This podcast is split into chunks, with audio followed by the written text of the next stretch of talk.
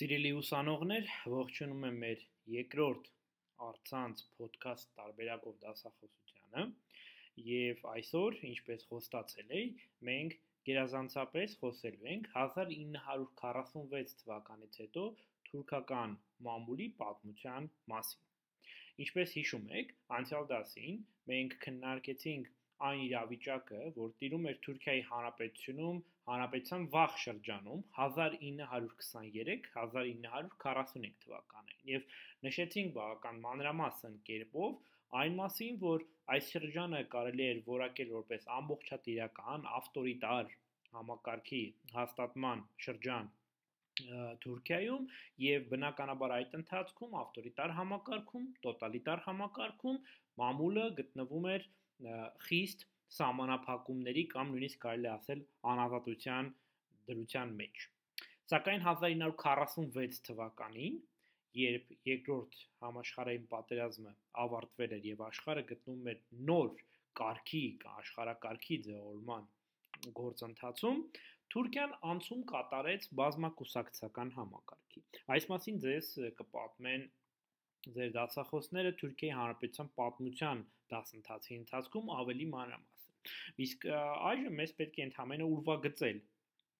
հիմնական իրադարձությունները, որ տեղի ունեցել Թուրքիայի Հանրապետության քաղաքական կյանքում եւ ինչպես են դրանք ազդել մամուլի գործունեության վրա։ 46 թվական անցում բազմակուսակցական համակարգին նախկինում արկա բազմաթիվ սահմանափակումներ եւ անազատություններ այլևս անցյալում են եւ մամուլը հնարավորություն է ստանում ազատ ավելի ազատ գործել, քան որ նախկինում էր։ Նորաստեղծ դեմոկրատական կուսակցությունը, Դեմոկրատ պարտիսի, սկսում է իր բեմելը դեպի քաղաքական կյանք։ Սա մի կուսակցություն է նորաստեղծ, որի հիմնադիրները ջեհեպե իշխող ժողովրդ հանրապետական կուսակցության անդամներ էին եւ այս կուսակցության ուրեմն այս մարտիկ փաստորեն որոշում են կայացնում հիմնադրել անդիմադիր կուսակցություն, դեմոկրատական կուսակցությունը եւ իրենց որպես դաշնակից վերցնում են անդիմադիր հակումներ ունեցող մամուլի ներկայացուցիչներին, լրագրողներին։ Որպես արդյունք մամուլի ազատության համար մղվող պայքարը դառնում է նաև քաղաքական մրցակցության գլխավոր թեմաներից մեկը։ Բացի այդ, պակաս կարևոր չէր, որ մեծ լսան ունեցող հյուրիետ եւ միլիետ օրաթերթերը իրենց արժև առաջնահերթ խնդիր էին դնում գումար վաստակել, այլ ոչ թե ծառայել որ, որ որպես քաղաքական նպատակի համար գործիք։ Դա պայմանավորված էր այն հանգամանքով, որ օրաթերթերը ֆինանսավորվում էին գլխավորապես գովազդի հաշվին։ Եվ մյուս կողմից մամուլի շուկայի սահմանափակ լինելու հանգամանքը արգելում էր, արգելակում էր թերթերի զանգվածային շրջանառությունը եւ հենց այդ պատճառով առևտրական թերթերը հերույ էին ինքնուրույն գոյատևումից։ Բոլոր թերթերը կախված են պետական կամ անուղակի աջակցությունից։ Դեմոկրատական կուսակցությունը 1950 թվականին կարողանում է հաղթել խորհրդարանական ընտրություններում։ Այդ հաղթանակի ոչ պակաս կարևոր պատճառներից, ոչ պակաս կարևոր պատճառներից մեկն այն էր, որ կուսակցությունը խոստացել էր վերացնել խոսքի եւ մամուլի բոլոր ազատությունները, որոնք արկա էին ժողովրդահարապետական կուսակցության ավտորիտար իշխանության տարիներին։ Ընտրություններից մի քանի ամիս անց 1950 թվականի ամռանը ընդունվում է մամուլի մասին նոր օրենք։ Եթե հիշում եք 1931 թվականին նախորդ դասին խոսեցինք, ընդունվել էր մամուլի մասին օրենք, որով փաստորեն մամուլը չէր կարող գրել այն, ինչ դուր չէր գալիս կամ դուր չէր գալու իշխանության։ Եվ հիմա շուրջ 20 տարի անց 1950-ի ամռանը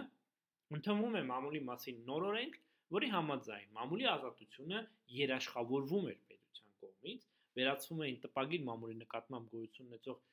բոլոր սահմանափակումները կամ ավելի ճիշտ դրանց մի զգալի մասը, որտեղ այնուամենայնիվ որոշ սահմանափակումներ պահպանվեցին եւ արգելվեց մամուլի ներկայացուցիչների նկատմամբ վարչական բնույթի հետապնդումները։ Մինչև 1954 թվականի ընտրությունները, մինչև հաջորդ ընտրությունները մամուլի ազատության ոլորտում իսկապես նկատվեցին շատ կարևոր դրական փոփոխություններ։ Սակայն խորհրդանական ընտրությունների նախորդող ու դրանց հաջորդող մի քանի ամիսների ընթացքում կառավարությանը քննադատող մոտ 50 լրագրողի նկատմամբ իրականացվեցին դատական հետապնդումներ։ Իսկ մի շարք առաջատար բարբերականների լրագրողների, օրինակ Դունյա, Միլիետ, Հալկչը, Հերգյուն, Հյուրիետ թերթերի լրագրողներին դատապարտեցին տարբեր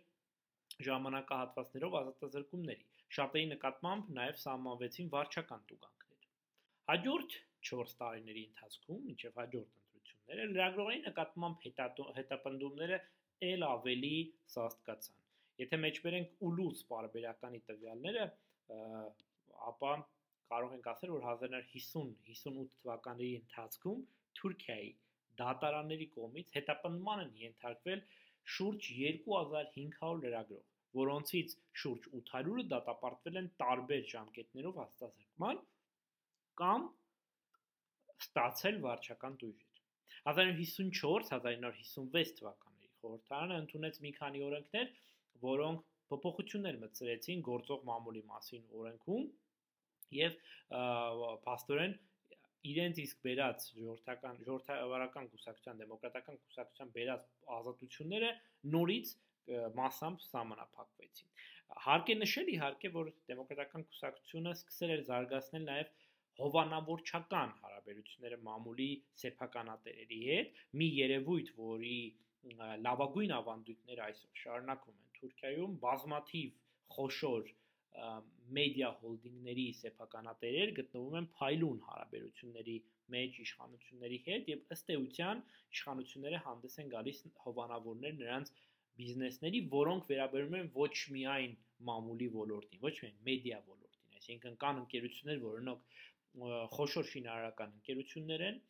եւ ունեն նաեւ սեփականատեր են նաեւ մամուլի օրգանների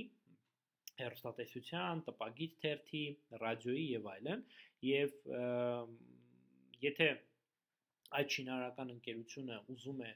ստանալ պետության մեծ պատվերները, ճանապարհներ կառուցելու, կամուրջներ կառուցելու կամ որևէ այլ նմանատիպ նախագծի համար, ապա նրա թերթը ծառայում է որպես յուրահատուկ, այսպես հարթակ, որտեղ իշխանության հանդեպ միմիայն դրական բաներ են իշխանության մասին միմիայն դրական բաներ են գրվում եւ փաստորեն պետությունը յուրահատուկ հովանավորչության տակ է վերցնում այս ընկերությունը։ Բայց մինչև այն մեր ժամանակներին հասնելը արդեն ասացինք, որ այս ավանդույթը արկա էր նաև 1950-ականներին։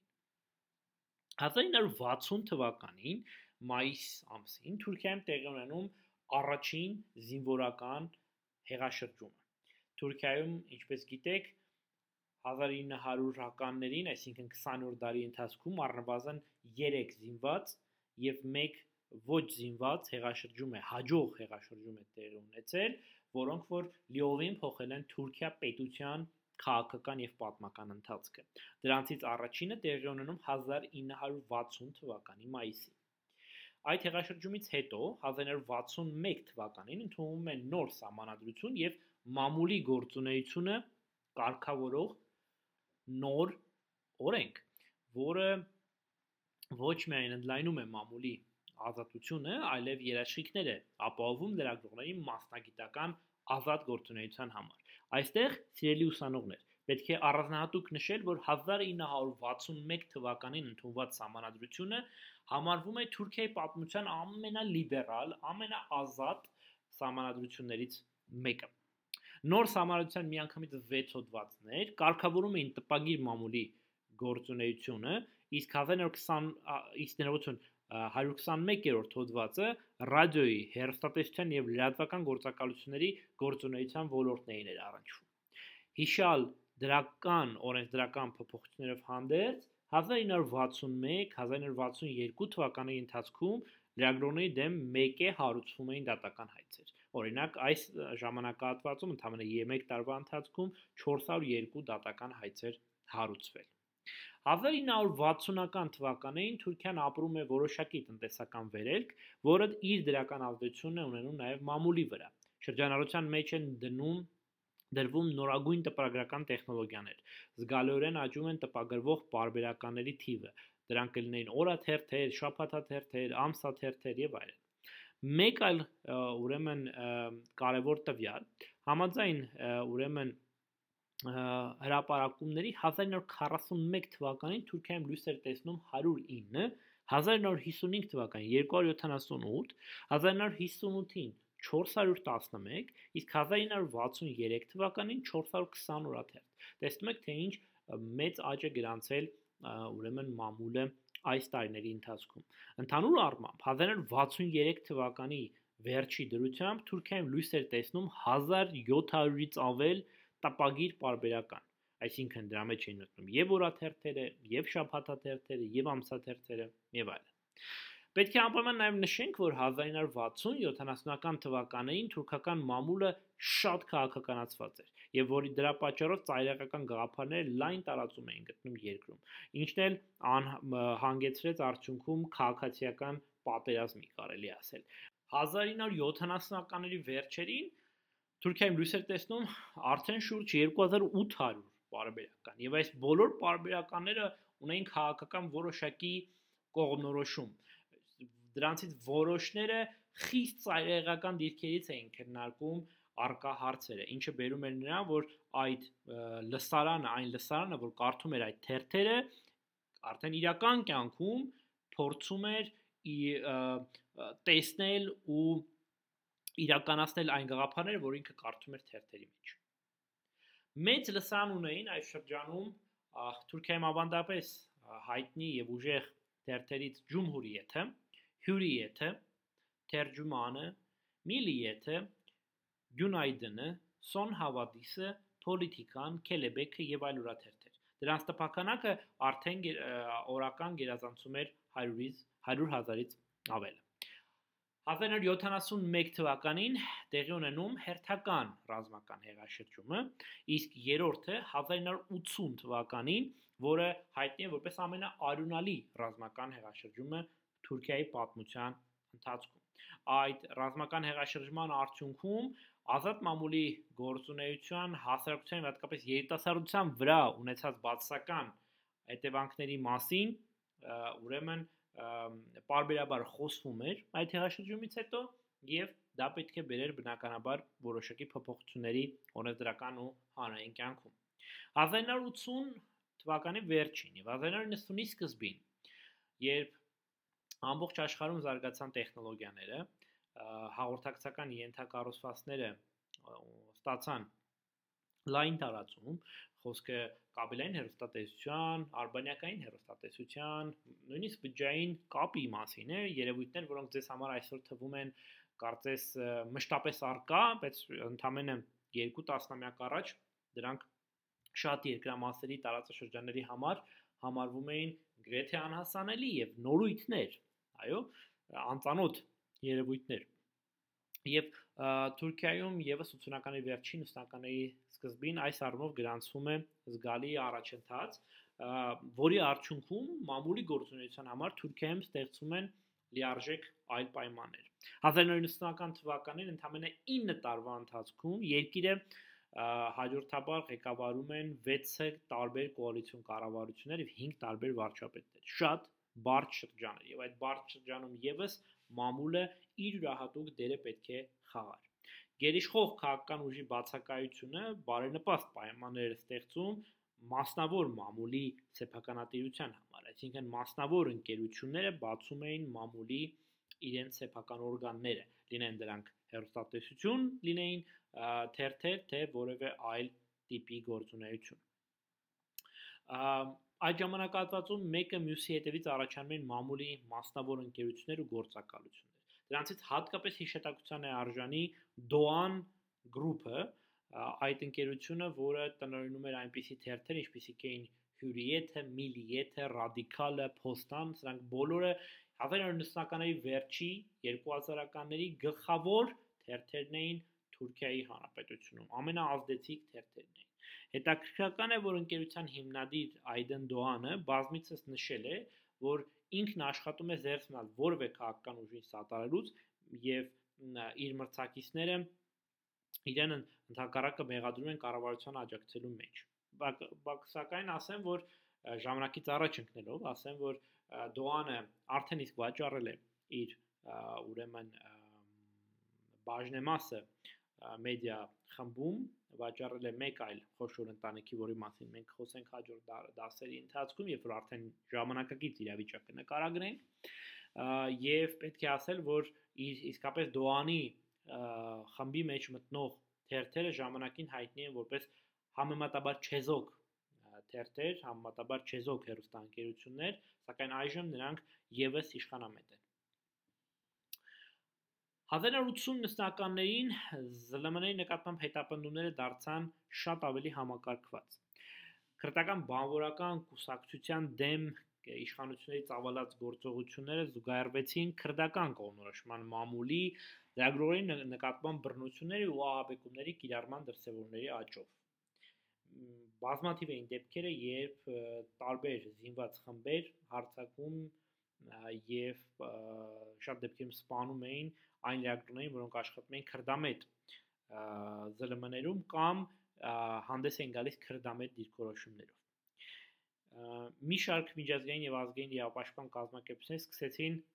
առավել համակարգված այս պայմաններում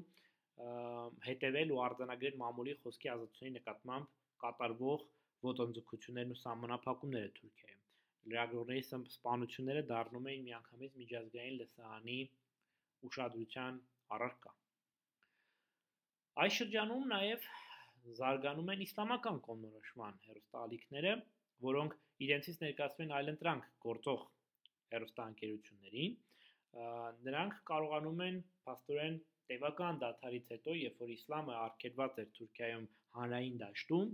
նրանք կարողանում են արբանյակային հերոստանգերությունների, մասնավոր հերոստանգերությունների, արբանյակային կաբելային հերոստանգերությունների միջոցով ազատ կերպով եթերը ողողել պահպանողական գաղափարախոսությամբ, ընդ որում այդ եթերը տարածվում էր ոչ միայն Թուրքիայում, այլ նաև այդ երկրի սահմաններից դուրս։ Հիշենք, որ արդեն 1960-ականներից արմողջ ուրեմն աշխարհում եւ մասնավորապես արևմուտքում, Գերմանիայում եւ մի շարք այլ միացյալ նահանգներում, Բենիլուքսի երկրներում ձևավորվում են թուրքական կայուն սփյուռքեր, այսինքն արտասահմանյան համայնքներ, որտեղ եւս գործունեություն են ծավալում այս հերոստանգերությունները։ 1990-ական թվականներին մամուլի հրապարակայնացման գործում զգալի գործունեություն է ծավալում Ֆեթուլահ Գյուլենը։ Կարծում եմ իր անունը արդեն հասցրեք լսել ձեր Թուրքիայինի դասընթացների ընթացքում։ Իսլամ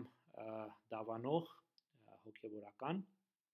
ով ապրում է Միացյալ Նահանգներում եւ այսօր Թուրքիայում մեղադրվում է բոլոր բացական երևույթների մեջ Ֆեթուլահ Գյուլեն։ Իսկ նրա հետևորդներին, իր կրոնական շարժման հետևորդներին կոչում են գյուլենականներ կամ թուրքերենով ֆեթոջու, ֆեթոջուլար։ Գյուլենը լինելով նաև բիզնես կորպորացիաներում շահեր հետապնդող գործիչ, հետսհետեր ընդլայնում էր իր ներկայացվածությունը լրատվական ոլորտում եւ ամենաազդեցիկ մեդիա դեմքերից մեկն էր։ Երբ 1999 թվականին նա հեռանում է Թուրքիայից եւ հայտնվում է Միացյալ Նահանգներում, նրան պատկանող ԶԼՄ-ները ոչ միայն շարունակում են իրենց գործունեությունը, այլև էապես ընդարձակվում են։ 2013 թվականին նրանք ունեին օրինակ գյուլերներ պատկանում Թուրքիայի ամենաշատ ընթերցվող թերթ Զամանը, որը այսօր գոյություն չունի, որովհետև փակվել է իշխանությունների կողմից։ Երբ 2002 թվականին նոյեմբեր նոյեմբեր ամսին Թուրքիայում իշխանություն է գալիս Արդարություն եւ զարգացում կուսակցությունը Ադալետ və Kalkınma Partisi, որին դուք արդեն ծանոթ եք, որտեղ այսօր այն շարունակում է մնալ Թուրքիայում իշխող կուսակցությունը, արդեն փաստորեն շուրջ 18 տարի, Արդարություն եւ զարգացում կուսակցության կառավարման տարիների սկզբնական ժամանակահատվածում լրատվի լրատվամիջոցների անկաշկատ գործունեության համար եւ խոսքի ու մամելի ազատության առումներով ստեղծեցին բավական նպաստավոր պայմաններ։ Իսկ 2010 թվականից հետո իրավիճակը կտրուկ կերպով փոխվեց։ Հիմա փորձենք միասին հասկանալ, թե որոնք էին կառավարության որթեգրած քաղաքականությունը եւ մոտեցումները ԶԼՄ-ների նկատմամբ։ Տասնամյակներ շարունակ Թուրքիայի իշխանությունները փաստորեն վերահսկել են լրատվամիջոցների գործունեությունը եւ անհրաժեշտ դեպքերում խոչընդոտել դրանց զարգացմանը։ Վերահսկողություն ունեցել ամենատարբեր դրսևորումներ՝ միջամտություն ԶԼՄ-ի կառավարման գործերին, գրաքննություն, ինքնագրաքննություն, երբ լրագրողը կամ թերթը շատ լավ գիտեր, որ այս կամ այն երևույթին անդրադառնալիս նա պատժի կենթարկվի, հետաբար ավելի լավ է դրա մասին չգրել կամ դրա մասին չխոսել։ Սա կոչվում է ինքնագրաքննություն։ Ահաբեկումներ, հարկային մարմինների հետ դատական տևական եւ շատ ծանր գործընթացներ, զրպարտության համար դատական գործընթացներ եւ այլն։ Այս բոլոր երևույթները լայնորեն տարածված էին Թուրքիայի ուրեմն մամուլիկ ԶԼՄ-ների կյանքում գրեթե բոլոր ժամանակահատվածներում։ Մի քիչ ավելի շատ, մի քիչ ավելի քիչ։ Եվ հիմա մենք մի քանի օրինակներ կքննարկենք, որոնք առավել հայտնիներն են, որոնք մեծ աղմուկ են բարձրացրել ինչպես Թուրքիայի, այնպես էլ սահմաններից դուրս եւ ուղիղ առնչվում են ԶԼՄ-ների նկատմամբ պետության վերահսկողական քաղաքականությանը։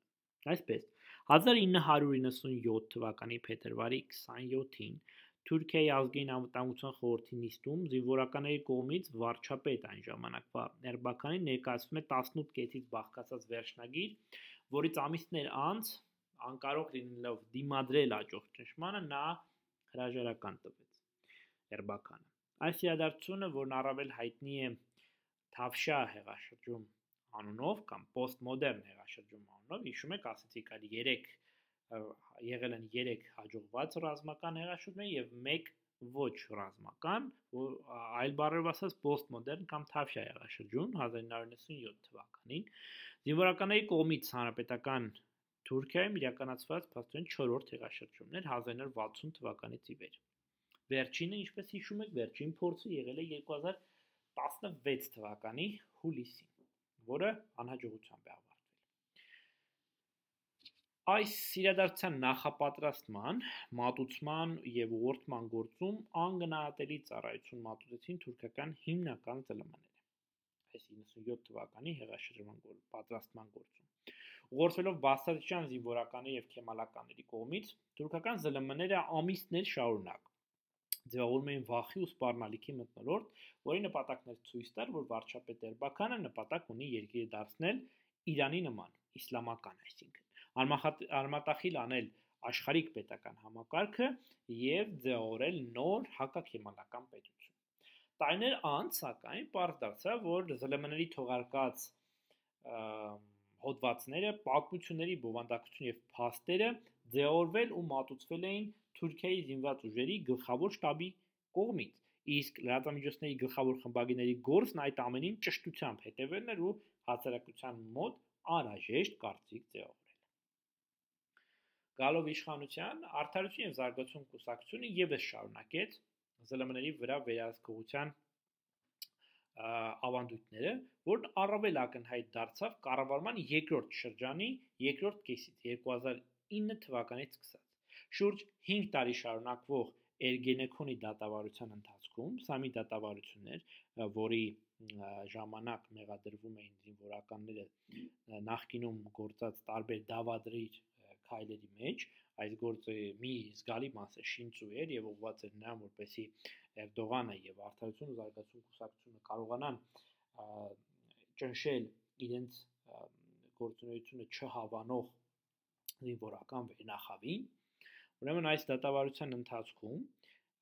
տեղ գտան լրագրողների ձերբակալության դեպքեր, որոնք մեղադրվում էին գաղտնի կազմակերպությունների հետ համագործակցության, հակապետական եւ հակաիշխանական գործունեություն ծավալելու համար։ Մի շարք դեպքերում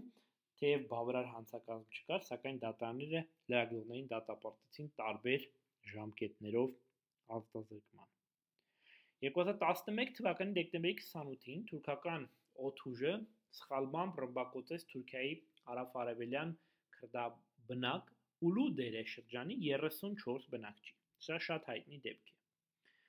եւ այդ 34 բնակիչների մեծ մասը երիտասարդներ էին, այսինքն նույնիսկ պատանիներ էին կարելի ասել, 17 տարին չբոլորած։ Այդ սպանվածները զբաղվում էին մաքսանենգությամբ, կոնտրաբանդայով եւ վերադառնում էին Իրաքից, հատում էին Իրաք-թուրքական սահմանը։ Շուրջ օր ու կես բոլոր ԶԼՄ-ները լռում էին այդ իրադարձության վերաբերյալ եւ միայն ներողություն սոցցանցերում բարձրացած աղմուկից հետո հնարավոր եղավ ողրզել տեղի ունեցածի մանրամասները։ Այն լրագրողները, որոնք ավելի քննադատական լույսի ներքո ներկայացրին տեղի ունեցածը, հետագայում հեռացվեցին լրագրողական աշխատանքից։ Այնպես ինչպես դա տեղի ունեցավ օրինակ Haber Թուրքի սյունակագիր Ece Temel Kurani պարագայում։ Նա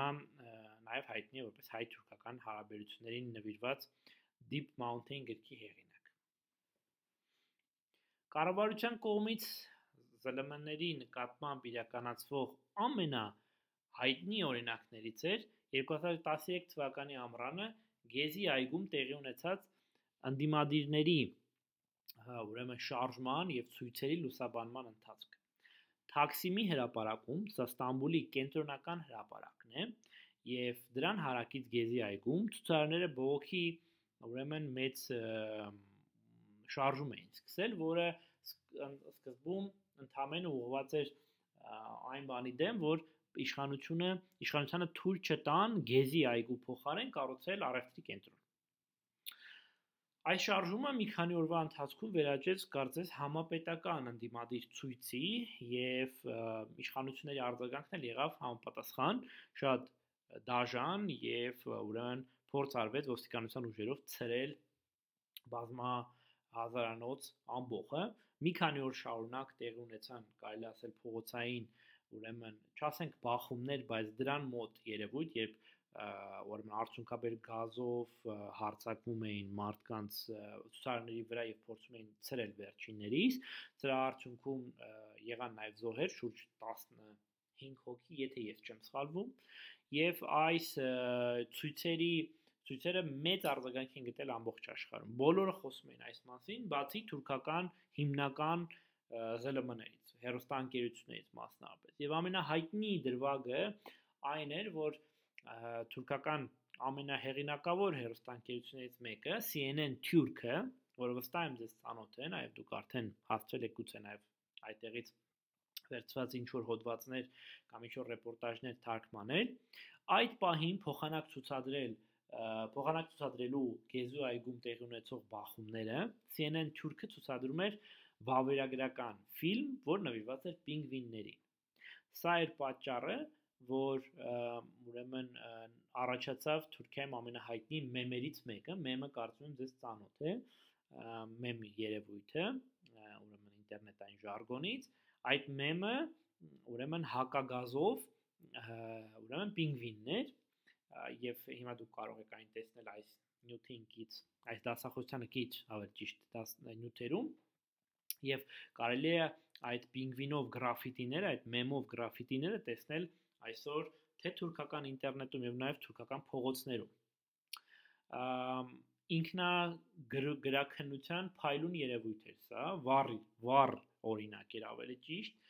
CNN Թուրքի կողմից եւ այս հանգամանքը բավական մեծ քննադատության արժանացավ հասարակության տարբեր շերտերի կողմից եւ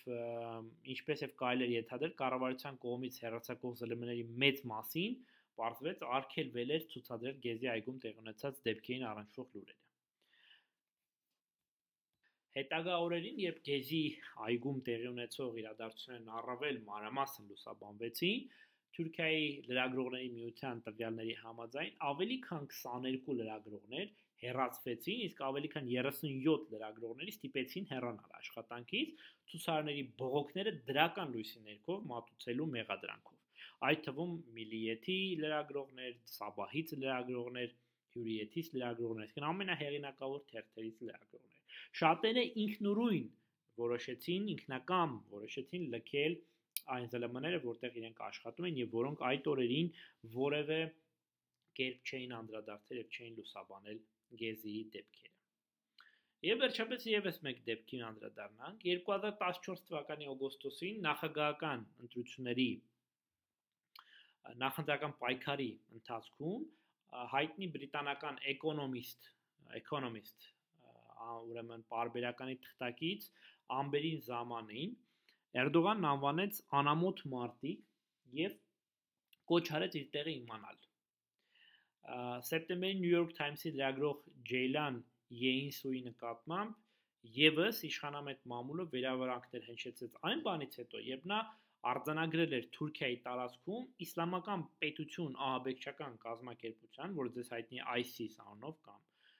IP անունով, հապավումով ավելի ճիշտ, այդ իսլամական պետության համար զինաների հավաքագրման փաստն էր արձանագրել Յեինսու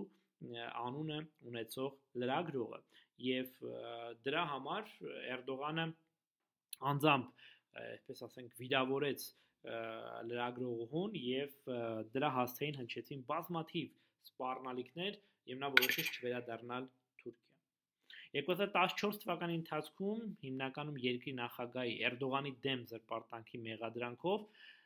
որը քրեական օրենսգրքի 299-րդ հոդվածն է, հետապնդումներ իրականացեցին մոտ 10 լրագրողների նկատմամբ։ Այդ թվում այնպիսի հայտնի լրագրողներ, ինչպիսին են Ջան Դունդարը, Մեհմեդ Բարանսուն եւ այլն։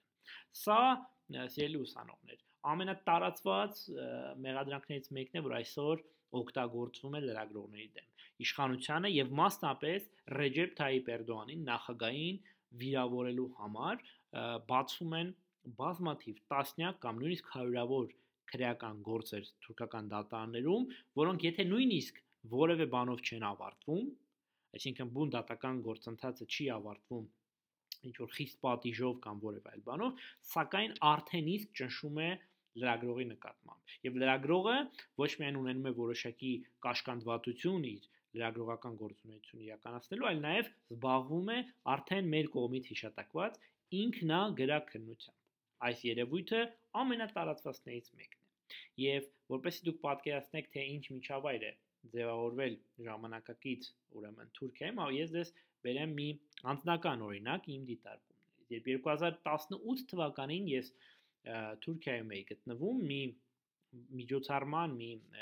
ընտանեկան հավաքի, որը ընթրիքի, որը ավելի ճիշտ ուրեմն որևէ առողջություն չուներ քաղաքականության հետ զրույցը հանկարծ գնաց ուրեմն Էրդողանի եւ Գյուլենի մասին։ Եվ իմ զրուցակիցները, որոնք Թուրքիայի քաղաքացիներ էին, եւ որևէ նորից եմ ասում, կապ չունեին քաղաքականության հետ, վերջիններս չէին արտասանում այս երկու մարդկանց անունները։ Ասում էին Ֆ տառով սկսվող մարդը եւ E տառով սկսվող մարդը։ Հա? Այսինքն Ֆեթուլահ Գյուլեն եւ Էրդողան նրանք խուսափում են այդ անունը տալուց, որտեվ իրենց թվում էր, որ եթե իրենք այդ անունը արտասանեն, կողքը նստած որևէ մեկը կարող է նրանց դեմ դատական հայց ներկայացնել դատան, ասելով, որ իրենք վիրավորական կամ բացական որևէ բան են ասել Էրդողանի նկատմամբ կամ դրական բան են ասել Ֆեթուլա Գյուլի Ֆեթուլա Գյուլենի մասին հա սա խոսում է այդ ինքնագրաքննության մասին հասարակ մարդկանց մոտ այդպես է դրսևորվում ինքնագրաքննությունը իսկ լրագրողների մոտ պարզապես նրանով որ լրագրողները խուսափում են անդրադառնալ այս կամ այն թեմային այս կամ այն անձին կամ անդրադառնալիս ներկայացնում են այն միայն այն ձևով որը որ այս պահին թելադրում է իշխանությունը իշխանության մասին միայն դրական իսկ իշխանության դիմախոսների մասին միայն բացական մենք դեռ կհասցնենք խոսել համացանցային ուրեմն մամուլի մասին եւ այնտեղ եւս տեղ գտած գրականության մասին, բայց մինչեւ այդ ուրեմն այսօրվա վերջին դրվագի մասին անդրադառնանք, դրվա դասի, ինչքան էլ որ փորձ էր արվում իշխանության կողմից լրացնելու մամուլը, սակայն այն գրեթե անհնար է դարձել, այսինքն ամբողջությամբ վերահսկել գրեթե անհնար է, հատկապես համացանցի տարածմամբ բայց մինչև այդ էլ օրինակ 1996 թվականի նոեմբերին Սուսուլուքի աղմկահարույց ավտովթարից հետո այս դեպքերին դուք դեպս կանդրադառնաք Թուրքիայի հանրապետության պատմության դասընթացի շրջանակներում լրատվամիջոցները կարողացան հանրության ներկայացնել փաստեր ոչ միայն ավտովթարի զոհ գնացած անձերի, այլ նաև հարուցված քրեական գործին առնչվող այլ տվյալներ։ Տեղեկատվական արտահոսքը սկիզբ դրեց փոխվարչապետ Թանսու Չիլերի եւ իրավապահ մարմինների դեմ բացական տրամադրությունների վերելքին հասարակության շրջանում։ Նմանատիպ մի այլ դրսևորում էր 1999 թվականի օգոստոսին Իզմիտ քաղաքում տեղի ունեցած երկրաշարժի լուսաբանումը ԶԼՄ-ների կողմից։ Իշխանությունները անկարող եղան գրաքննել ԶԼՄ-ների թողարկումները, որոնք ցույց են տալիս երկրաշարժի հետևանքների վերացման գործում կառավարության անարդյունավետ աշխատանքը եւ դրա պատճառով զոհերի թվականակի աճը։ 2000-ական թվականներին եւս որոշ լրատվամիջոցներ, օրինակ արդեն հիշատակված Զամանը կամ Թարաֆը երկուսն էլ այլևս գոյություն չունեն այս թերթերը, բայց ժամանակին շատ ազդեցիկ, շատ տարածված էին Թուրքիայում, հրապարակեցին մի շարք աղմկահարույց փաստաթղթեր, փաստեր, որոնք վկայում են զինվորականների կողմից իշխող կուսակցության AKP-ի դեմ պլանավորվող մի քանի ռազմական հեղաշրջումների եւ ազգային փոքրամասնների դեմ նախատեսվող ահաբեկչական գործողությունների մասին։ Ակնհայտ էր, որ ԶԼՄ-ները համագործակցել էին համապատասխան կառույցների հետ այդ փաստաթղթերի արտահոսքը կազմակերպելու առումով եւ այնուամենայնիվ այդ հրապարակումները աննախադեպ հարված հասցեին զինվորականների հեղինակությանը։ Ահա այսպիսի բարդ ուրեմն իրավիճակում է գտնվում գտնվում էր գտնվում եւ մինչեւ հիմա գտնվում է թուրքական մամուլը եւ ուրեմն մենք մեր հաջորդ արդեն դասերին հերթով կանդրադառնանք արդեն այսօր Թուրքիայում արկա ԶԼՄ-ներին, այս ԶԼՄ-ների գործունեության առանձնահատկություններին եւ հատկապես ուշադրություն դա կդարձնենք համացանցային մամուլին։ Հարցերի դեպքում գրեք ինձ համասանական post-ով եւ կհանդիպենք մեր մյուս դասախոսության